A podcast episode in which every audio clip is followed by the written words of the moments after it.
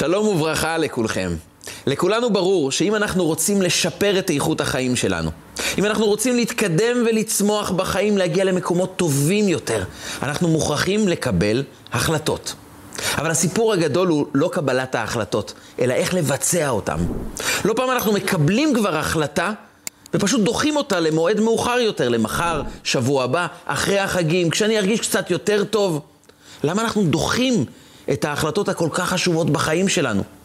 ועד שאנחנו כבר מתחילים לבצע את אותן החלטות, אנחנו מגלים הרבה פעמים שזה מחזיק לזמן קצר מאוד, שבוע, שבועיים, חודש, ואנחנו פשוט מפסיקים לבצע את אותן החלטות, ואנחנו נשארים מיואשים ומתוסכלים. אני חסר עמוד שדרה. למה אני לא מבצע את ההחלטות שלי? למה אני לא מתמיד בהן?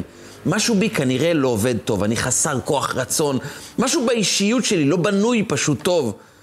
ואנחנו מתוסכלים לא רק מהעובדה שאנחנו לא מממשים את ההחלטות שלנו, אלא מהעובדה שכנראה אנחנו נאלצים להיפרד מהחלומות שלנו, כי אם אני לא מסוגל לעמוד בהחלטות שלי, איך אני אגשים את החלומות שלי? איך אני יכול להגיע ליעד כשאני לא מבוצ... מסוגל לבצע את ההחלטות שנועדו כדי לאפשר לי לבצע את הפעולות הנדרשות כדי להגיע ליעד שלי? ואם אני לא מתמיד בהחלטות שלי, כנראה שאני נאלץ גם להיפרד מהחלומות. מה עושים? איך הופכים הבנה לפעולה? איך אני הופך את ההחלטות שלי לא רק להיות משהו ברובד הרוחני, בעולם השכל שלי, אלא פשוט גם לבצע את זה בעולם החומר. איך אנחנו הופכים ידע, תובנה, לפעולה, למציאות בשטח, כדי שנוכל להגשים את החלומות שלנו. מה הסוד של הפיכת ידע לפעולה? אומנות היישום. בדיוק בשביל זה מגיעה פרשת השבוע שלנו, פרשת יתרו. יתרו, אנחנו פוגשים אותו בפרשת השבוע כאישיות מאוד מעניינת, מאוד מרתקת ובעיקר מפתיעה. איך הוא הצליח להשתנות בחיים? הוא היה כהן לעבודה זרה. לא הייתה עבודה זרה, אומרים חכמינו, שהוא לא עבד אותה בעולם. הוא הכיר את כל סוגי העבודה זרה.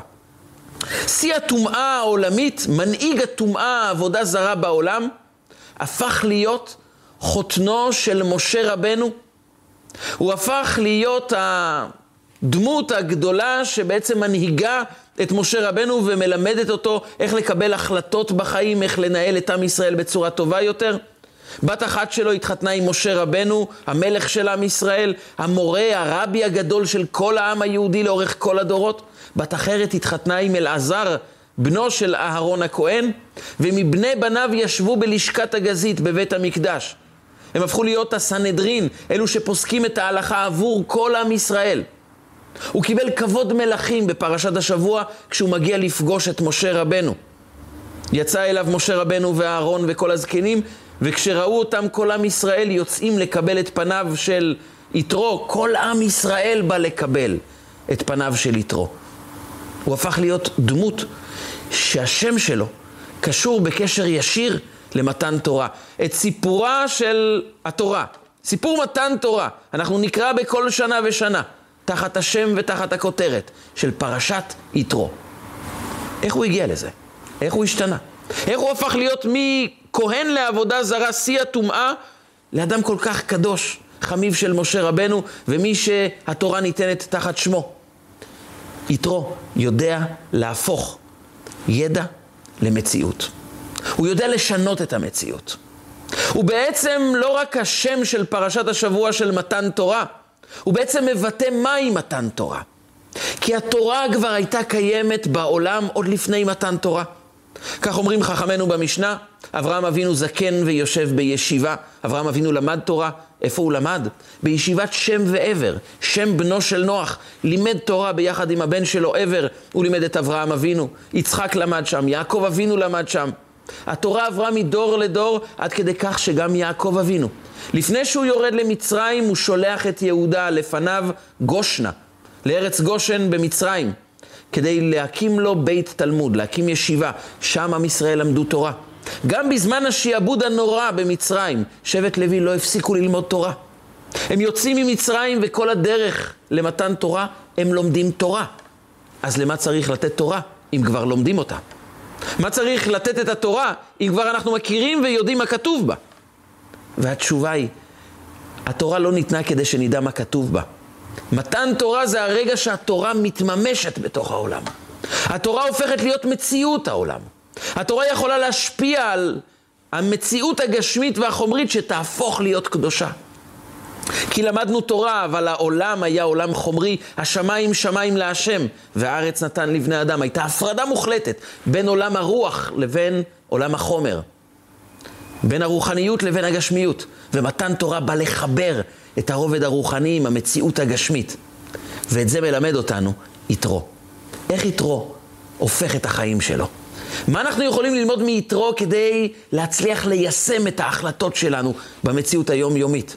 סודו של יתרו. רגע לפני שניכנס לסודו של יתרו, אני אבקש מכם בקשה אישית.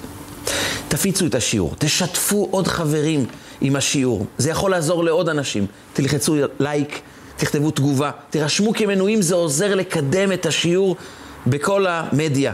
אז לחיצה קטנה, לייק, תגובה מסוימת יכולה באמת לתת הרגשה טובה וגם להפיץ את השיעור טוב יותר. וכמובן תירשמו כמנויים, ואנחנו נכנסים לסודו של יתרו. אחד הדברים הכואבים ביותר שיש בסיפור של יתרו, אנחנו פוגשים ברגע שמשה רבנו מגיע למדיין. משה רבנו כידוע הרג את המצרי שהתעלל ביהודי, זה מגיע לפרעה, ופרעה מבין שמשה רבנו מורד במלכות, הרג חייל מצרי, הוא נידון למוות, ומשה רבנו מצליח להימלט ממצרים ולהגיע למדיין. הוא מגיע למדיין, ושם יש סיפור שהפך את המדינה הזאת, של מדיין.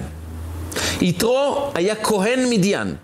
הוא היה ראש העבודה זרה, המנהיג של העבודה זרה באותה תקופה. והוא חיפש את האמת. הוא עבר מעבודה זרה לעבודה זרה. הוא ביקש כל הזמן למצוא איפה נמצאת האמת. ויום אחד הוא גילה שכל סוגי העבודה זרה, כולם שקר. הוא אסף את כל אנשי מדיין. כולם הגיעו, כי הוא היה האדם המכובד באותו הדור, המנהיג של העבודה זרה באותה תקופה. והוא אוסף את כולם ומודיע להם, כל העבודה זרה, כולה, על כל סוגיה וכל מרכיביה, כולה שקר אחד גדול. אני נוטש את העבודה זרה. קחו את כל הפסלים, קחו את כל כלי העבודה זרה, אין לי מה לעשות עם זה. תבחרו לכם כומר אחר לעבודה זרה. אני מבין שזה שקר אחד גדול.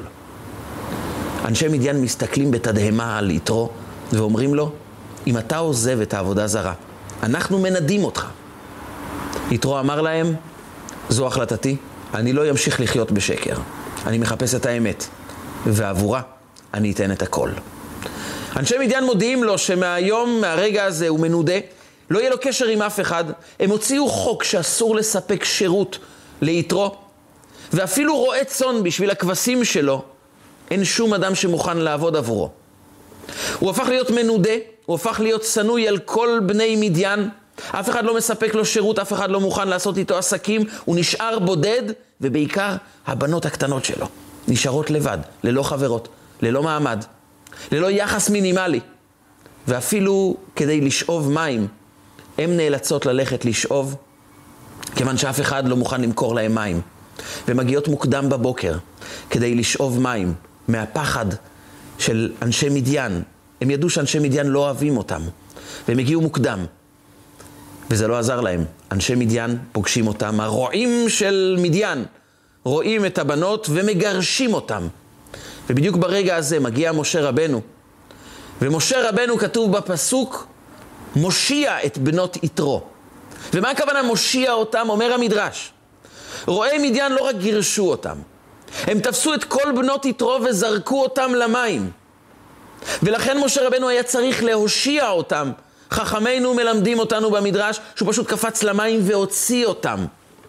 כמו שנאמר, הושיעני אלוקים כי באו מים עד נפש. אומרים חכמים, להושיע זה רק אדם שטובע במים. בנות יתרו נזרקו למים.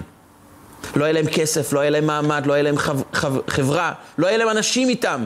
וגם אותם זרקו למים, הם סבלו מפחד מוות, מרועי מדיין. ומשה רבנו בדיוק מגיע ברגע הזה, ומושיע אותם. ונשאלת השאלה, יתרו, מאיפה הכוח שלך? למה אתה הולך עם האמת עד הסוף?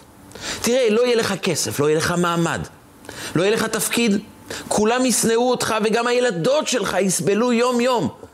איך יתרו מוכן ללכת למקום כל כך כואב? למה יתרו לא תהיה מוכן להיות כהן לעבודה זרה רק כתפקיד? כדי להביא הכנסה הביתה, כדי לשמור על המעמד שלך, לשמור על השלום של המשפחה שלך. אבל יתרו יש סוד. יתרו אוסף את כל משפחתו ומודיע להם, יש אמת בעולם, ועבור אמת צריך לדעת להקריב. לא מספיק רק לומר אני אוהב אמת. זה לא מספיק רק לקבל החלטה שאני אעשה הכל כדי להגיע אל האמת בחיים. זה להבין שעבור אמת צריכים גם להקריב. אין החלטה שאנחנו יכולים לקבל בלי להביא את המרכיב שנקרא מה המחירים שאתה מוכן לשלם, ויתרו מוכן לשלם מחירים. יתרו מודיע לבנות שלו, אנחנו משפחה שרוצים אמת בחיים, שאנחנו מחפשים את הנכון בחיים, ולכן אנחנו גם מקבלים החלטה, לא רק לחפש את האמת, אלא גם להיות מוכנים להקריב עבורה, וזה לא הפעם הראשונה. חכמינו מספרים לנו במדרש שיתרו לפני שהוא היה הכומר הגדול לעבודה זרה במדיין, היה לו תפקיד בכיר אחר, במדינה אחרת, במצרים. שלושה יועצים היו לפרעה לפני שעבוד בני ישראל במצרים. איוב, בלעם ויתרו. ופרעה מקבל החלטה, אני רוצה לשעבד את עם ישראל. אני רוצה לענות אותם בעבודת פרך. והוא פונה ליועצים ואומר להם, זו החלטתי, מה אתם מייעצים לי? בלעם, הרשע, זינק על ההזדמנות ואמר לו, זה מצוין, תענה את בני ישראל, תהרוג אותם. איוב היה אדם צדיק. הוא לא רצה לשעבד את עם ישראל. אבל הוא גם מבין דבר נוסף. זה לא יעזור שום דבר אם אני אגיד לו לא לשעבד את עם ישראל. להפך, אני רק מסתבך. אני יודע שאם מישהו אומר לפרעה משהו, עצה, נגד ההחלטה שלו לשעבד את עם ישראל, הוא ייכנס לבעיה מאוד גדולה בחיים. לשכנע אותו אני לא אצליח. הדבר היחיד שאני אעשה אם אני אומר את האמת, זה לאבד את התפקיד שלי. אני אשתוק. איוב שתק. אבל יתרו היה אדם מסוג אחר. יתרו אמר, יש אמת, ועבורה צריך גם לשלם מחירים. הוא אמר לפרעה, אני סבור שזה לא נכון לשעבד את עם ישראל. אני נגד לשעבד את עם ישראל. זה דבר אסור. בזכותם מצרים הפכה להיות אימפריה. אסור להיות כפוי טובה, ואין שום סיבה שעם ישראל יסבלו. פרעה מודיע לו, אתה עובר על החוק. אתה נגד המדינה, אתה מורד במלכות. והוא נאלץ לברוח. הוא פשוט אסף את המשפחה שלו והודיע להם, אנחנו בורחים מכאן. אמרו לו, למה? אתה יועץ בכיר בממלכה שהיא אימפריה באותה תקופה. אומר להם, כי יש אמת, ועבור אמת אנחנו נדרשים לשלם מחירים. הוא ברח ממצרים.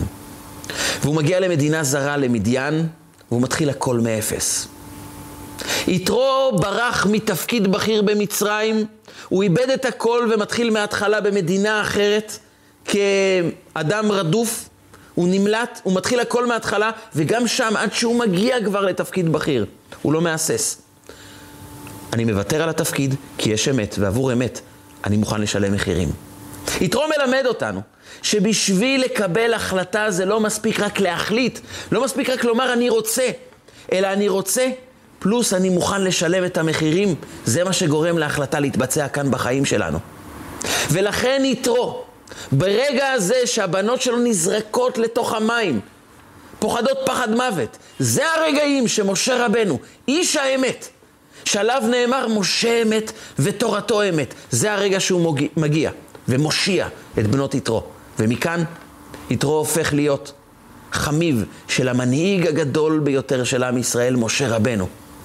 בת אחרת מתחתנת עם בנו של אהרון הכהן, הבנים שלו הופכים להיות בלשכת הסנהדרין, הוא מקבל כבוד מלכים, כל ילד יהודי לומד את מתן תורה, סיפור מתן תורה, תחת השם של יתרו. כי ברגע שאתה מחפש אמת, ואתה לא מוותר עליה. אתה גם לא מוכן להיות כמו איוב, שאמר, אני יודע את האמת, אבל למה אני אסתבך בשבילה בצורה חסרת תועלת? אז איוב נידון בייסורים, ויתרו קיבל כבוד מלכים, מסיבה אחת. כשאתה אומר את האמת ואתה מוכן לשלם מחירים עבור האמת, אז הקדושה מופיעה אצלך בעולם. אז החיים שלך מתחילים להשתנות. אולי אתה עובר תקופות קשות. אולי זה אירועים לא נעימים. אולי לפעמים אתה אומר לעצמך, אבל למה הכנסתי את עצמי לכל הסיפור הזה? בשביל מה? אבל הרגעים האלו הם רגלי, רגעי לידה, זה חבלי לידה. אתה יכול להגיע למקומות גבוהים יותר בחיים שלך. אז הקדושה נכנסת בתוך החיים שלך. אז אתה מצליח לממש בעולם את ההחלטות שלך. כי ההחלטה לא נשארה ברובד התיאורטי, בעולם רוחני, זה ירד לתוך מציאות. כי החלטה עם מוכנות לשלם מחירים מביאה לישועה, מביאה לקדושה בתוך מציאות החיים שלנו. וזה לא רק סיפורו של יתרו, זה סיפור מלכות בית דוד. דוד המלך, שלמה המלך, מגיעים מאישה בשם רות המואביה. רות המואביה ביחד עם אחותה עורפה היו נשואים למחלון וכיליון, בניהם של אלימלך ונעמי. אלימלך נפטר וגם מחלון וכיליון נפטרו, ונעמי רוצה לחזור לארץ ישראל. אבלה, ענייה, כאובה. ושתי כלותיה, רות ועורפה, רוצות לבוא איתה, לחזור איתה לארץ ישראל, והן אומרות, אנחנו רוצים להצטרף לעם היהודי, רוצים להיות יהודיות גם כן. חלק מעם ישראל.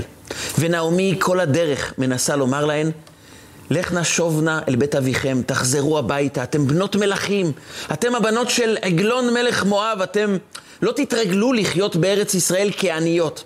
חוץ מזה שאנחנו נהיה עניים בארץ ישראל, עם ישראל גם לא אוהב מואבים. עד כדי כך שנאמר בתורה, לא יבוא עמוני ומואבי בקהל השם. אז נכון שעמוני ומואבי זה רק הגברים, הנשים יכולות להתגייר. אבל אף אחד לא אוהב מואבים. לא משנה אם זה גברים או נשים. אתם רק תסבלו, אף אחד לא יהיה חבר שלכם. אף אחד לא ירצה להתחתן איתכם. אתם לא תהיו חלק ממש שתוכלו להרגיש שאנחנו חלק מעם ישראל. אתם תהיו עניות, בזויות, שפלות, בקצה המחנה. למה? תשובו להיות בנות מלכים במואב. היא משכנעת אותם כל הדרך, עד שעורפה אומרת, אני חוזרת. אני לא יכולה לשלם את המחירים האלו. זה גבוה מדי עבורי. אני הייתי רוצה להצטרף לעם ישראל, אבל המחיר גבוה, וזה מחיר שאני לא יכולה לשלם. היא מנשקת את נעמי ונפרדת. חכמינו מספרים לנו שהיא נפרדה מנעמי, וחזרה להיות מואביה עד כדי כך שממנה יצא גם גוליית. גוליית שבא וחירף מערכות ישראל, הפך להיות אויב העם היהודי. אבל רות, רות דבקה בה. רות אמרה, אני מבינה שזה הולך להיות קשה, אבל זו החלטה שהתקבלה אצלי ביחד עם הבנה מאוד ברורה, שיש מחירים, אני רואה את המחירים ואני הולכת לשלם את המחירים האלו. אני הולכת להגיע לאמת של העם היהודי. אני רואה את היעד הגדול, אני רוצה משפחה יהודית. אני רוצה להיות חלק מעם ישראל, חלק מהקדושה. ואני מוכנה לשלם את המחירים, והיא דבקה בנעמי, ומגיעה לארץ ישראל. היא סבלה בתקופה הראשונה סבל מאוד גדול, אבל באופן מופלא, באופן מפתיע מאוד. בדרך ניסית, כפי שמסופר במגילת רות, היא הופכת להיות אשתו של בועז, אחד ממנהיגי העם היהודי. היא הולידה את עובד שהוליד את ישי, וישי הוליד את דוד, ודוד הוליד את שלמה המלך. מלכות בית דוד מתייסדת בידי האישה הגדולה הזאת שנקראת רות המואביה. ואומרים חכמינו בגמרא, היא זכתה לראות את כל זה. היא זכתה לי לאריכות ימים. עד כדי כך שמסופר על שלמה המלך, וישם כיסא לאם המלכות.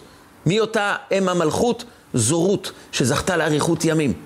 מאותה אישה מואביה שפלה שאף אחד לא הסתכל עליה. היה את שלמה המלך, ששלום היה בימיו. כולם העריצו את חוכמתו. בית המקדש בנוי לתפארה. מלך גדול ומפורסם. קדושה עצומה ששורה בעם ישראל. וליד שלמה המלך יש עוד כיסא. לאם המלכות, לאותה אחת שהייתה מוכנה לשלם מחירים וזכתה לראות איך האמת שורה בבית שלה, איך המשפחה שלה הופכת להיות משפחה של מלוכה. זה בעצם הסוד של יתרו ורות. כשאתה מוכן לשלם מחירים עבור האמת. כשאתה יודע שההחלטה זה לא רק להגיד מה צריך לעשות, אלא גם רצון חזק שמשולב עם הבנה של מה המחירים שאני מוכן לשלם, וביחד זו החלטה שמשנה מציאות. כך יתרו הפך להיות חמיב של משה רבנו, וכך רות המואביה הפכה להיות אם המלכות. אבל יש כאן סוד נוסף, שהוא חשוב לא פחות. איך הם מוכנים לשלם את המחירים? איך הם יכולים לעבור קשיים כל כך גדולים? איך יתרו מצליח לעמוד חזק שהוא יודע שאף אחד לא מדבר איתו, שאף אחד לא נותן לו שירות, שכולם שונאים אותו שהוא מנודה והוא גם בסכנה, והמשפחה שלו בסכנה.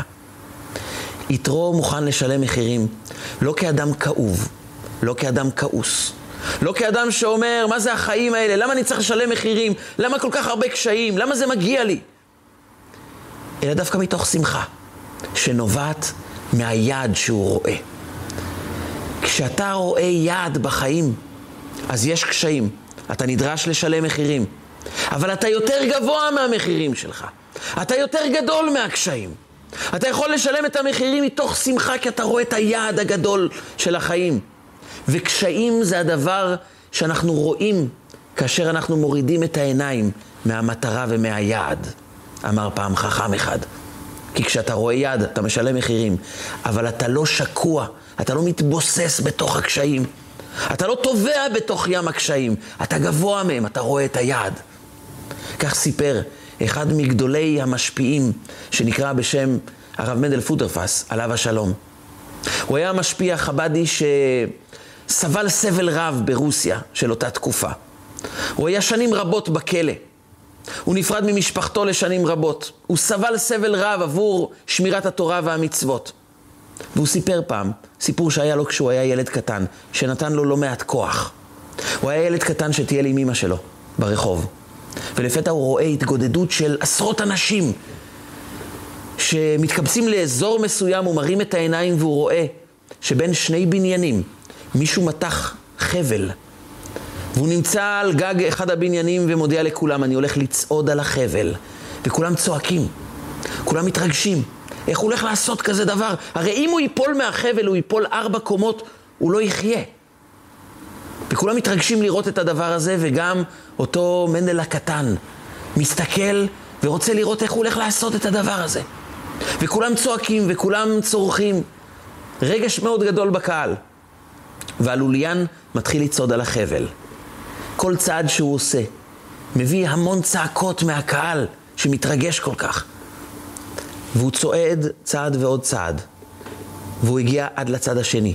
הוא הסתובב וצעד בחזרה את כל החבל עד לבניין בחזרה.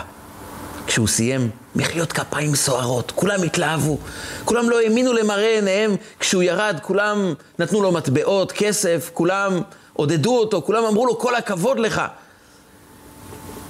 ומנדל פוטרפס הקטן התחנן לאימא שלו, אמא, אני חייב לשאול שאלה את הלוליין, אני רוצה לדבר איתו, אני רוצה להבין איך הוא עשה את זה.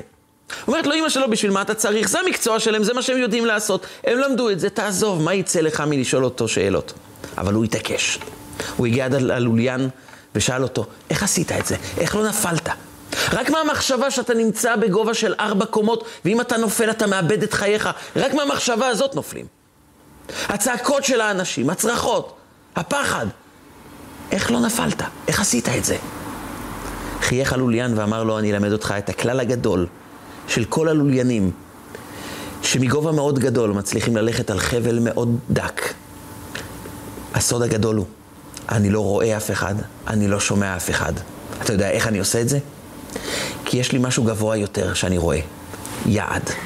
וכשאתה רואה יעד בחיים שלך, אתה מפסיק לראות קשיים, אתה מפסיק לשמוע צעקות, אתה מפסיק להכניס לתוכך מחשבות מפחידות, כי הכל סגור, ויש רק דבר אחד, יעד. וכל צעד שאני צועד, אני פשוט רואה יעד. המומחיות שלי זה לא לצעוד על חבל דק. זו אומנות פשוטה. המומחיות שלי זה לא לתת לשום מחשבה להיכנס, לשום צליל לחדור לתוך האוזן, לא לראות שום דבר אחר חוץ מיעד. וכשאתה רואה יעד, אתה לא רואה קשיים. אתה רואה יעד. ואתה יודע מה החלק הקשה ביותר בתפקיד שלי? זה הרגע שהגעתי לבניין השני והסתובבתי בחזרה, לצעוד בחזרה לבניין הראשון. זה הרגע הקשה ביותר. כי זה רגע שבו אני הפסקתי לראות יעד, ואני צריך למצוא יעד חדש. זה הרגע הכי קשה. אבל כשיש לך יעד, המחירים קשים, זה לא פשוט, זה דורש הרבה מאמץ, אבל אתה תמיד תהיה יותר גבוה, כי אתה רואה יעד. וכאשר אנחנו רואים יעד בחיים שלנו, אנחנו מוכנים לשלם את המחירים כי אנחנו גבוהים מהם. כל גדולי ישראל, אם זה יתרו ואם זה רות ואם זה רבי עקיבא, היו מוכנים לשלם מחירים כי תמיד הם ראו יעד. וזו השאלה השנייה שאנחנו נדרשים לשאול. אחרי השאלה, מהי ההחלטה והאם אני מוכן לשלם את המחירים? האם ברור לי מה המחיר ואני קיבלתי החלטה לא רק לבצע את הפעולה, אלא גם לשלם את המחיר. השאלה השנייה היא, איך זה משרת את היעד הגדול של החיים שלך? החלטה חייבת להיות מחוברת ליעד גבוה בחיים. אנחנו חייבים שיהיה לנו יעד גבוה. כשיש לאדם יעד, אני רוצה להגיע, להקים משפחה כמו שצריך. אני רוצה להיות אדם שלומד תורה. אני רוצה להיות אדם אמיתי, אני רוצה להיות בעל מידות טובות. אני רוצה באמת לקיים ואהבת לרעך כמוך. אני מוכן לשלם מחירים, ואני מבין שזה יעד בחיים שלי. כי ברגע שאני רואה יעד, הקשיים נמצאים, את המחירים אנחנו נדרשים לשלם. אנחנו פשוט הופכים להיות גבוהים יותר, כי ראינו יעד גבוה בחיים שלנו. מי שרואה יעד, אמר אותו לוליאן, רואה פחות קשיים ויותר הצלחה, יותר תקווה. הוא מגיע למקומות הרבה יותר טובים בחיים שלו. אבל כאן יש את הדבר השלישי. אחרי המוכנות לשלם מחירים, אחרי שאני רואה יעד גבוה בחיים, ומבין שהיעד הגבוה בחיים ייתן לי להיות גבוה יותר מהקשיים, אני חייב לעשות את מה שעשה יתרו, שזו המילה הראשונה בפרשת השבוע. וישמע יתרו, כהן מדיין, חותן משה. יש שמיעה מיוחדת ליתרו, שמיעה שהרבה פעמים אנחנו מפספסים בחיים שלנו. בואו נשים לב. יש קול אחד שמתנגן אצלנו בחיים לפעמים שאנחנו לא שמים לב אליו. כשאנחנו שומעים משהו מאוד מעניין, משהו שמאוד נוגע לחיים, הרבה פעמים אנחנו מגיבים, איזה רעיון טוב זה. חבל שהשכן שלי לא שומע. אם הוא היה שומע את הדברים, היה יכול להשתנות. חבל שלא עוד אנשים שומעים את הדברים. למה אשתי לא שומעת את הדברים האלה? למה בעלי לא שומע את הדברים האלה? אנחנו ישר משליכים את זה לאנשים אחרים. אולי זה גם נכון, אבל אנחנו מפספסים דבר מאוד בסיסי בחיים שלנו. מה ששמענו נוגע קודם כל לנו. לפני שאנחנו משליכים את הדברים על אחרים, חבל שהם לא שומעים. אם אני שומע את הדברים, יש לזה מסר ישיר עבורי. הרבה פעמים אנחנו אומרים לעצמנו, בסדר, יש מסר, אבל אני כבר מכיר את הדבר הזה, אני כבר שמעתי את הדברים. הוא חוזר על עצמו לא מעט פעמים, אני כבר מכיר את הדבר. אמרו חכמינו, הלומד ואינו חוזר, כזורע ואינו קוצר. שמעת פעם אחת, זה מצוין. אתה רוצה לקצור, אתה רוצה לא רק לזרוע ולהצמיח חיטים, אלא גם להצליח לקצור את זה ולהגיע הביתה עם מזון חדש, עם תבואה חדשה. תחזור על הדברים, כי כל חזרה יש בה מסר. כל פעם שאני שומע משהו, זה קודם כל אומר לי משהו. זה אמור להפיל בתוכי אסימון, לגרום לי לבצע משימה חדשה, להביא תובנה אחרת עם פעולות חדשות. במקום לומר לעצמי, כבר שמעתי את זה הרבה פעמים. גם בפעם המאה יש לזה תובנה חדשה, יש לזה שליחות חדשה, יש לזה מסר ייחודי עבורי. זה היה סודו של יתרו. עליו נאמר, מה שמועה שמע ובא. למה התורה פותחת את פרשת השבוע עם המילים וישמע יתרו? ויבוא יתרו. לא, הוא הגיע כי הוא שמע. מה הוא שמע? אומרים חכמינו, הוא שמע על קריאת ים סוף ומלחמת עמלק. וזה אמר, אמר יתרו לעצמו, אני צריך לעזוב את מדיין ולבוא לעם היהודי. מה שמועה שמע ובא? מלחמת עמלק, קריאת ים סוף, זה גרם לו לבוא. אבל שואלים חכמינו, הוא לא היחיד ששמע על קריאת ים סוף, הוא לא היחיד ששמע על מלחמת עמלק. למה רק הוא הגיע בעקבות המידע על מלחמת עמלק, על קריאת ים סוף? הרי כולם שמעו, אנחנו אומרים את זה כל יום בתפילה. אז נבהלו אלופי אדום, אילי מואב יוחזי מורד, נמוגו כל יושבי חנן. כולם שמעו על הנס המופלא הזה של קריאת ים סוף. אבל אף אחד לא עזב את המקום. כולם נבהלו, כולם פחדו. נמוגו כל יושבי חנן. אבל אף אחד לא קם ועשה מעשה, רק יתרו. למה? כי ליתרו היה סוד. כל דבר שאני לומד מביא לתובנה ולעשייה בחיים שלי. כל דבר ששמעתי זה דורש ממני לעשות משהו חדש. לא גדול, אבל משהו לעשות. ולכן יתרו שומע על קריאת ים סוף והוא מורגל בחייו, שאם שמעתי משהו חדש, זה מביא לביצוע חדש. זה מביא להחלטה חדשה, זה מביא לפעולה חדשה שלא עשיתי. הוא כל כך הרגיל את עצמו. לשמוע באמת, ושמיעה אמיתית זה לא רק ברמה תיאורטית של תובנה שקיבלתי, אלא לשמוע באמת זה להפנים, ולהפנים באמת זה גם לבצע. לא היה דבר אצל יתרו שהוא שמע שלא תורגם מיד לאיזה פעולה קטנה. ודווקא לא הפעולה הגדולה, פעולה קטנה. שממחישה לנפש שלנו דבר כל כך גדול. אם הבנת משהו, זה יכול לרדת גם לביצוע מעשי. אם קיבלת החלטה, זה לא יישאר ברובד התיאורטי. המפסק הזה שקיים בחיים שלנו, שנקרא בלשון החסידות מיצר הגרון. הגרון הזה שמפריד בין ההבנה במוח לבין הביצוע בפועל. המצרים הזה משוחרר לגמרי אצלו, כי הוא התרגל שכל תובנה מולידה פעולה. כל דבר שאני מקבל אותו כהחלטה חדשה, אני גם יודע מה הפעולה הקטנה שאני הולך לבצע. זה בעצם מחבר בין הראש לבין הגוף, בין ההחלטות לבין הביצוע, בין מחשבה לבין מעשה. ועל זה אמר הרמב"ן, רבי משה בן נחמן, באיגרת מפורסמת לבן שלו, תתרגל בני, שכל פעם שאתה תלמד בספר, רגע לפני שתקום מהספר, רגע לפני שאתה סוגר את הספר ואומר איזה לימוד מעניין היה לי, רגע לפני כן, תחשוב לעצמך מחשבה אחת. איזה פעולה חדשה אני הולך לעשות?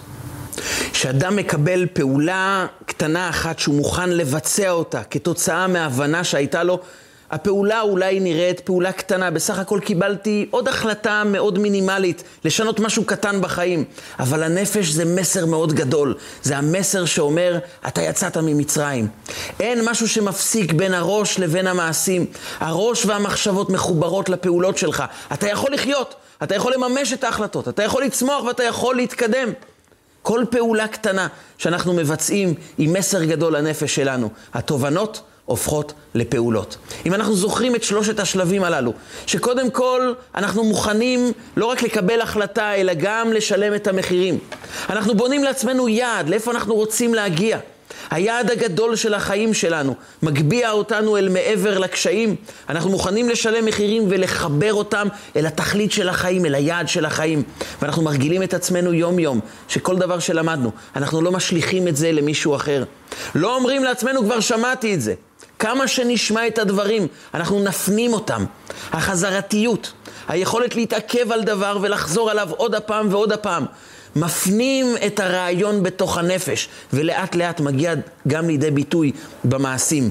כאשר אנחנו מקבלים את ההחלטה גם לבצע את הדברים, אנחנו מגיעים לרגע שעליו אמר הרמב"ם, שבעצם כל תכלית העולם נתונה בפעולה אחת, שיהודי מוכן לבצע ולעשות. כמצווה שמכריעה את כל העולם כולו לקו זכות. בסופו של דבר, כל הרעיון הגדול של מלכותו של הקדוש ברוך הוא שתרד כאן לעולם, כל הרעיון של מתן תורה, להוריד את השכינה למטה כאן בעולם, כל הרעיון של לחבר את הקדושה לעולם החומר, הוא תלוי בהחלטה קטנה של עוד אחד מאיתנו, שיחליט שהתובנה הופכת לפעולה גשמית כאן בעולם, טובה יותר. ועל זה אומר הרמב"ם, עשה מעשה אחד, הכריע את כל העולם כולו לקו זכות, וגרם לעולם כולו תשועה והצלה, בגאולה שלמה שתבוא אלינו במהרה בימינו, אמן ואמן.